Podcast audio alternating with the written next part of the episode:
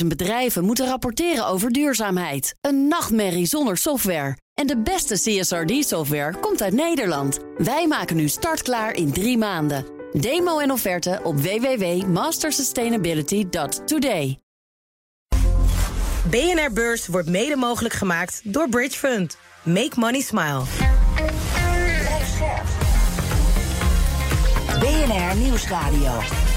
BNR Beurs. Wesley Weert, Jelle Maasbach. Goed dat je weer luistert. Het is woensdag 16 augustus. De week is doormidden. En het is de dag dat Nederland in een recessie belandt, meldt het CBS. Al maakt het CBS zelf zich geen zorgen. Nou ja, uh, als je de man in de straat vraagt dat het een recessie, dan denken heel veel mensen toch aan bedrijven die allemaal kopje ondergaan, uh, ja. massale ontslagen, mensen die hun baan kwijtraken.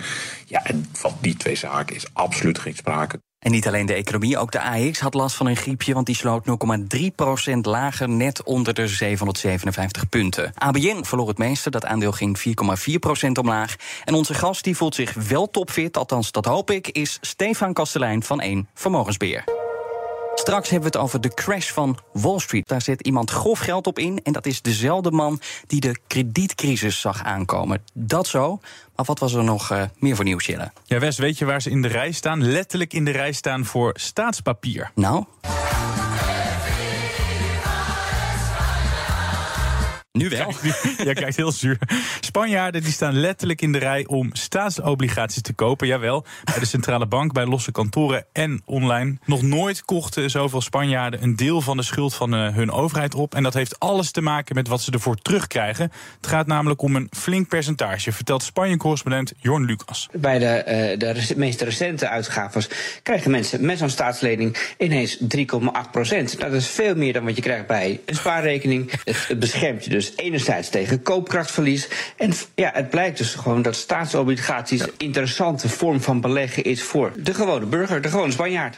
Stefan, uh, welkom. Snap jij die uh, Spanjaarden? Is Spanje een goede investering? Ja, aan 3,8% rente wel. Hè. Ik denk dat het inderdaad klopt. Dat is toch veel, veel hoger dan wat je op een spaarrekening krijgt. Er is trouwens in België iets, iets gelijkaardigs in de maak. De Belgische overheid zal ook staatsbon uitgeven op één jaar aan 2,8%, terwijl de hoogste rente bij een bank 2,3% is. De banken zijn daar trouwens eigenlijk heel boos over.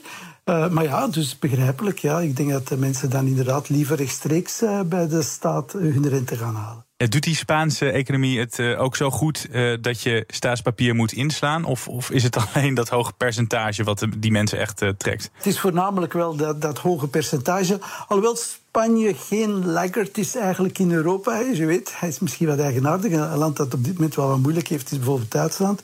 Dus Spanje is binnen Europa eigenlijk een, een gemiddelde evolutie. Heeft eigenlijk een relatief lage inflatie zelfs.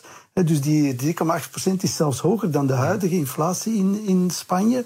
Dus ja, het is niet zo gek eigenlijk om uh, die 3,8% van de Spaanse staat te nemen. Dan naar Intel, want dat had de manier moeten zijn om de concurrentie met de Taiwanese TSMC aan te gaan. De miljardenovername van de Israëlische chipproducent Tower. Anderhalf jaar geleden werd die deal aangekondigd. En Intel trok ook flink de portemonnee, want het was bereid om er bijna 5,5 miljard dollar voor te betalen. En dat was niet zomaar, want Intel wilde voortaan niet alleen eigen chips, maar ook chips voor andere bedrijven gaan produceren. En Tower, ja, die had kennis en die hadden klanten en die had Intel nog niet. En dan denk je, nou, eind goed al goed. Maar ja. dat is dus niet zo, want die hele overname die wordt nu abrupt afgeblazen. En de reden, China zou dwars liggen en weigeren goedkeuring te geven voor de deal. Maar Stefan, wat betekent het uh, cancelen van die deal voor, uh, voor Intel? Ik denk dat het misschien toch wel een kans gemist is. Want inderdaad, uh, heel veel chipaandelen doen het fantastisch goed. We weten het wel, Nvidia, AMD, Micron, noem maar op. En Intel nog niet. Hè. Dus uh, Intel is nog altijd een beetje het lelijke eentje mm -hmm. in die chipsector. Dus het had misschien wel een kans geweest om toch terug een beetje zich uh, beter op het niveau van de anderen te hijsen.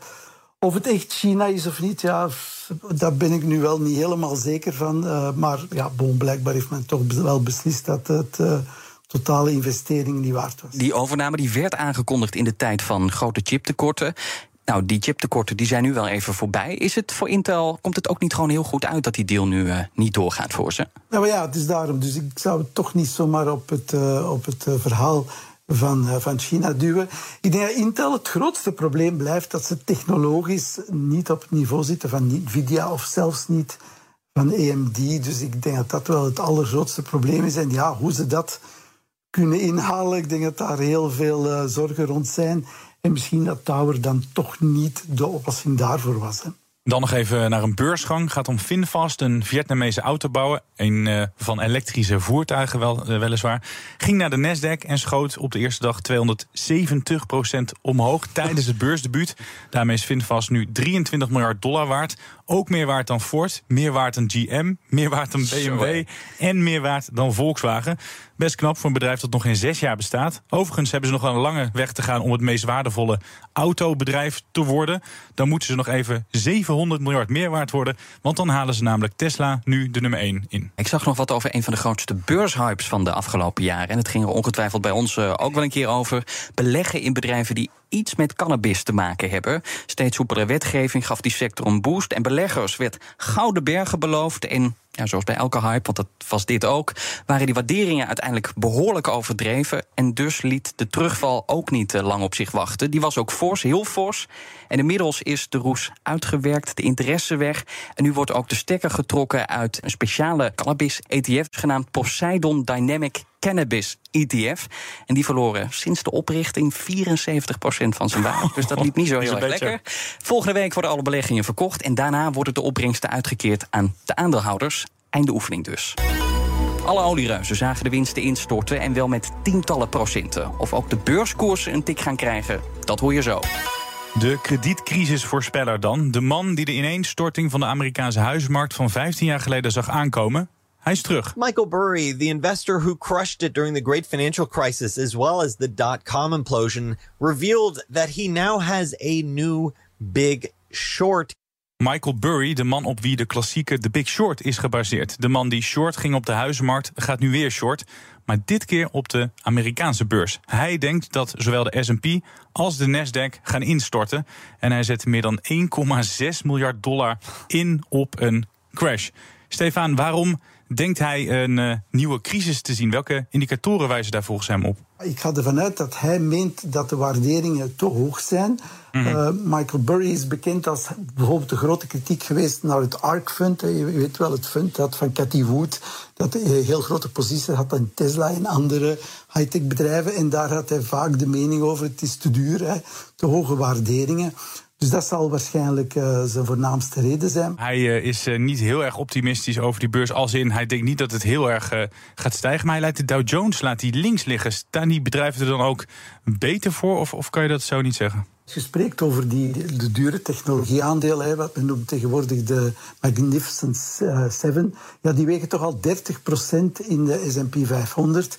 En die wegen in verhouding inderdaad iets minder in de Dow Jones, omdat een Dow Jones een equal weight index is. Hè. Dus in, die redenering van het zijn eigenlijk die topbedrijven die echt te duur zijn, ja, dan kies je beter de S&P 500 of, of, de, of de Nasdaq 100. Hoe is zijn track record? Is het wel een man uh, die we serieus moeten nemen wat jou betreft?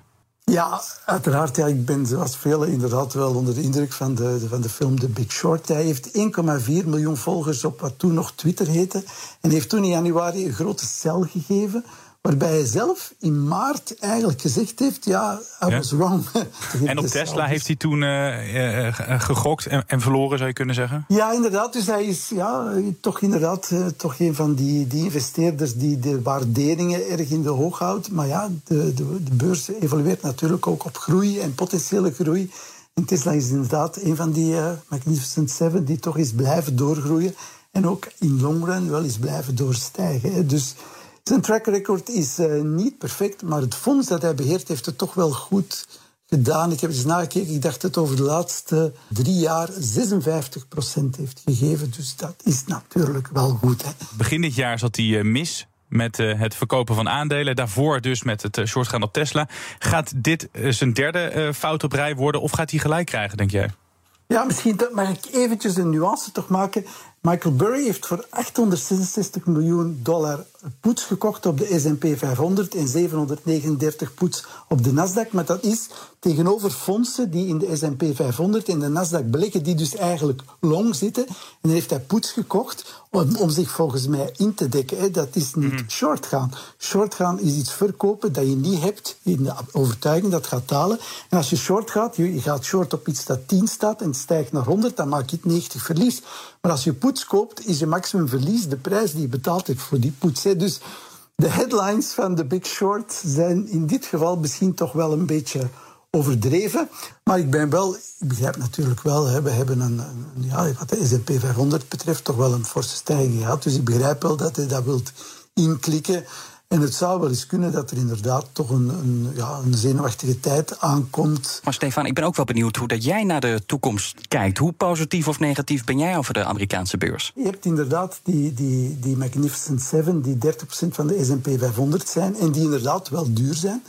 Uh, maar dat wil zeggen dus dat de andere, uh, ja, ik zou zeggen 493 aandelen, die zijn in verhouding niet zo duur. Hè. Dus dat is een eigenaardig tweespalt. Maar zie je dat ook echt als een gevaar? Ik ben eigenlijk niet zo bang. En in mijn ogen Nou, beklimt de beurs nog altijd een beetje een, een wall of worry. Hè. Het is niet alleen Michael Burry, maar heel veel beleggers zijn toch beangstigd. En, en dat is begrijpelijk. De economie is aan het verzwakken. Er zijn heel veel Nederland is een recessie, officieel dan. Misschien ook nog wel wat politieke zorgen. Hè. Wie gaat er volgend jaar president worden in Amerika? Het kan heel gek aflopen.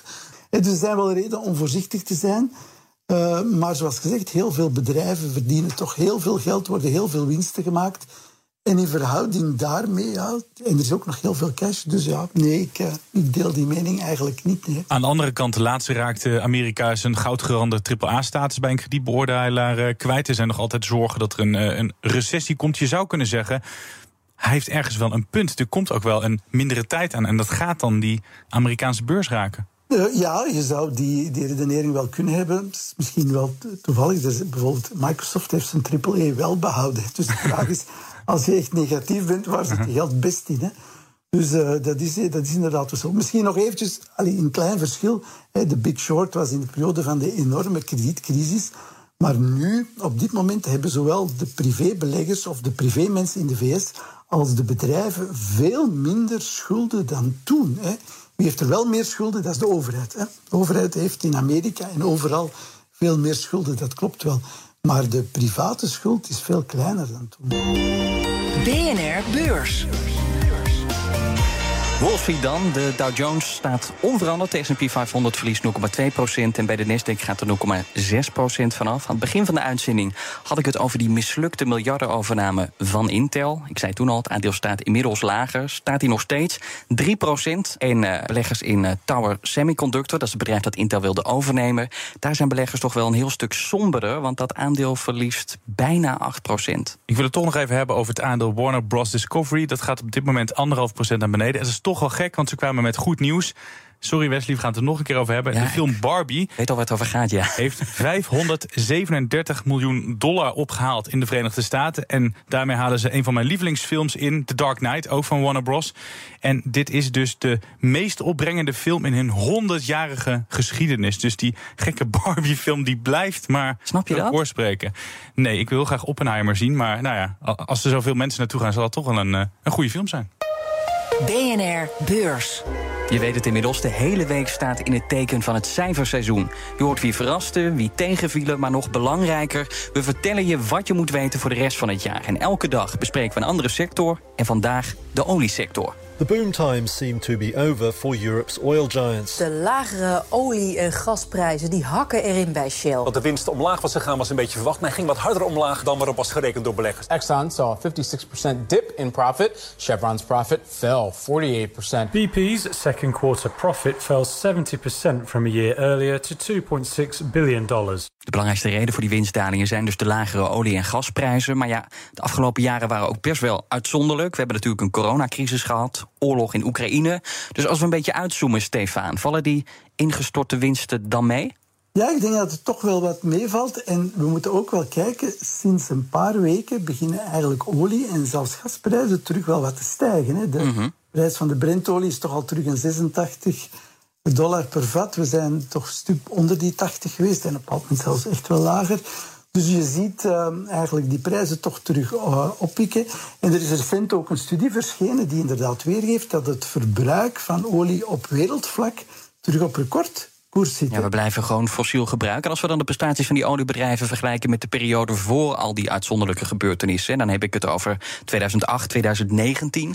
Hoe doen oliebedrijven het dan? Doen ze het nog altijd veel beter dan, uh, dan toen? Nee, ik denk dat gemiddeld genomen de, de olie, eh, of eigenlijk alle fossiele brandstofbedrijven het niet zo goed doen dan ze eigenlijk in, in vroegere tijden deden. En dat heeft ongetwijfeld te maken met de perceptie van de tijd van fossiele brandstoffen zal voorbij gaan. En dat zal ook wel zo zijn.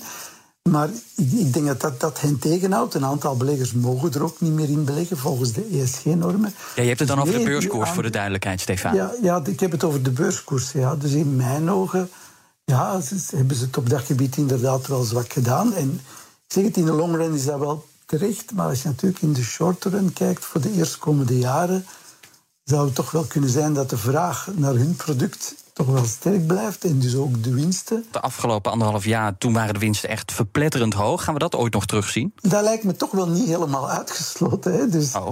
Dus als gezegd, de vraag blijft toch wel hoog. Hè? Dat is, maar er moet toch weer een trigger zijn, Stefan, voordat die prijzen weer omhoog gaan? In, dat is niet wat we in praktijk zien. Ja, de trigger, dus de vraag op wereldvlak uiteraard. Hè. Dus ik denk dat misschien in het Westen men langzamerhand het verbruik wel wat afbouwt. Maar ik zeg maar iets, in India, in, in veel andere landen neemt het verbruik van fossiele brandstoffen nog toe. Dus op wereldvlak. En als de vraag toeneemt, ja, dan heeft de prijs wel de neiging om te stijgen.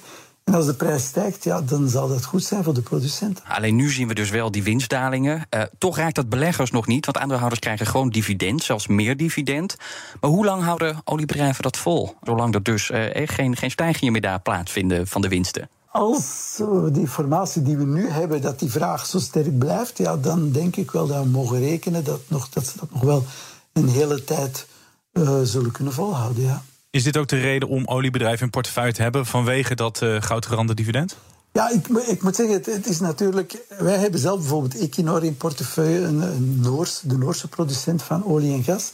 En als je daar eigenlijk alle factoren van bekijkt, van hoeveel ze verdienen, ook hoeveel dividend dat ze betalen, ja, die verhoudingen liggen volgens ons toch nog altijd heel gunstig. Ja, dus ja, misschien dat het niet zo ESG is, maar ja, er is toch wel reden om die aandelen in portefeuille te hebben.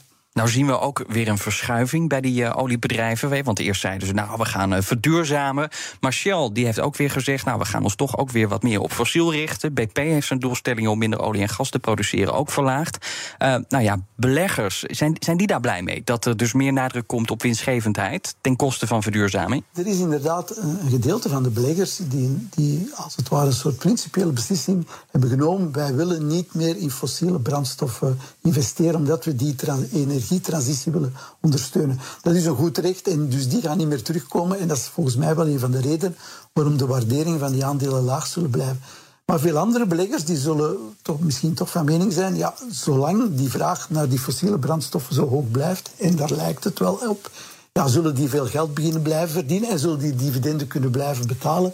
En dan houden we die aandelen wel in portefeuille. Dus nou ja, je zegt, Stefan, dat... de beleggers die worden misschien een beetje ook weggejaagd... doordat die bedrijven weer teruggaan eigenlijk in de tijd. Maar ik was even wat aandelen aan het vergelijken van, uh, vandaag... de prestaties van dit jaar. En dan zag ik dat Shell het beter doet dan de concurrenten als BP, Exxon en Chevron. En toen vroeg ik me meteen af, ja, heeft dat ook te maken met die uh, koerswijziging van, uh, van Shell? Ja, mogelijk wel. Maar ik denk wel als je de vergelijking zou maken van vorig jaar en het jaar daarvoor, dat ik stond het toch Ja, blijven ze achter, ja, tuurlijk. Dus, maar dat dus was ook de reden voor die koerswijziging. De, de, de, de nuance die er weer geeft. Maar ja, eigenlijk als je het puur bekijkt van belegger, eh, ja, je wilt toch dat bedrijven zich focussen. Hè. Er zijn heel weinig bedrijven die heel veel zaken, verschillende zaken kunnen doen. Hè. Dus als een producent van fossiele brandstoffen daar nu mee bezig is en de vraag naar dat product blijft en je ziet dat dat voor de volgende jaren wel zal blijven, dan heb je als aandeelhouder eigenlijk liefst dat ze zich daarop focussen en daarmee bezighouden en niet te veel andere zaken doen die dan mogelijk uh, de winst uh, en het dividend zullen aantasten. Ja. Dan naar morgen, want dan belooft het een ongekend drukke dag te worden. Onder meer Egon opent op deze dag de boeken. En de vraag is in hoeverre het bedrijf het goede begin van dit jaar heeft weten door te zetten. Ook de Amerikaanse supermarktketen Walmart komt met cijfers. De resultaten van dat bedrijf worden gezien als graadmeter van de Amerikaanse economie. De verwachtingen zijn al gespannen, want verwacht wordt dat de omzet alle eigen records gaat breken. Dan Adyen, want dat bedrijf had eerder nog last van groeipijn. Terwijl andere techbedrijven personeel ontslaan, neemt Adyen juist mensen aan. Hierdoor nemen de loonkosten met ruim 80% toe, verwachten analisten. En dat gaat ten koste van de winst. Tot slot komen bouwbedrijf BAM en laadpalenbedrijf Fastnet met cijfers. Het einde is aangebroken in ieder geval van deze aflevering. Maar mocht je vragen hebben, vragen aan Wesley, maar vooral over... Uh, ja, onderwerpen die met de beurs te maken en hebben. En aan onze beursexperts. Dan kan je ze stellen. Die uh, vragen die kunnen naar bnrbeurs.bnr.nl. En wie weet wordt jouw vraag dan voorgelegd tijdens de speciale vrijdaguitzending. En dan wordt die inderdaad dus voorgelegd uh, aan een van onze gasten. Hey, lekker het weekend in. Lekker het weekend in. Nog voorlopig niet, maar we danken wel Stefan Kastelein van Even Morgensbeer. Dank dat je er was. En uh, jij bedankt voor het luisteren. En dan zeggen wij tot morgen. Tot morgen. BNR Beurs wordt mede mogelijk gemaakt door Bridge Fund. Make money smile. 50.000 bedrijven moeten rapporteren over duurzaamheid. Een nachtmerrie zonder software. En de beste CSRD-software komt uit Nederland. Wij maken nu startklaar in drie maanden. Demo en offerte op www.mastersustainability.today.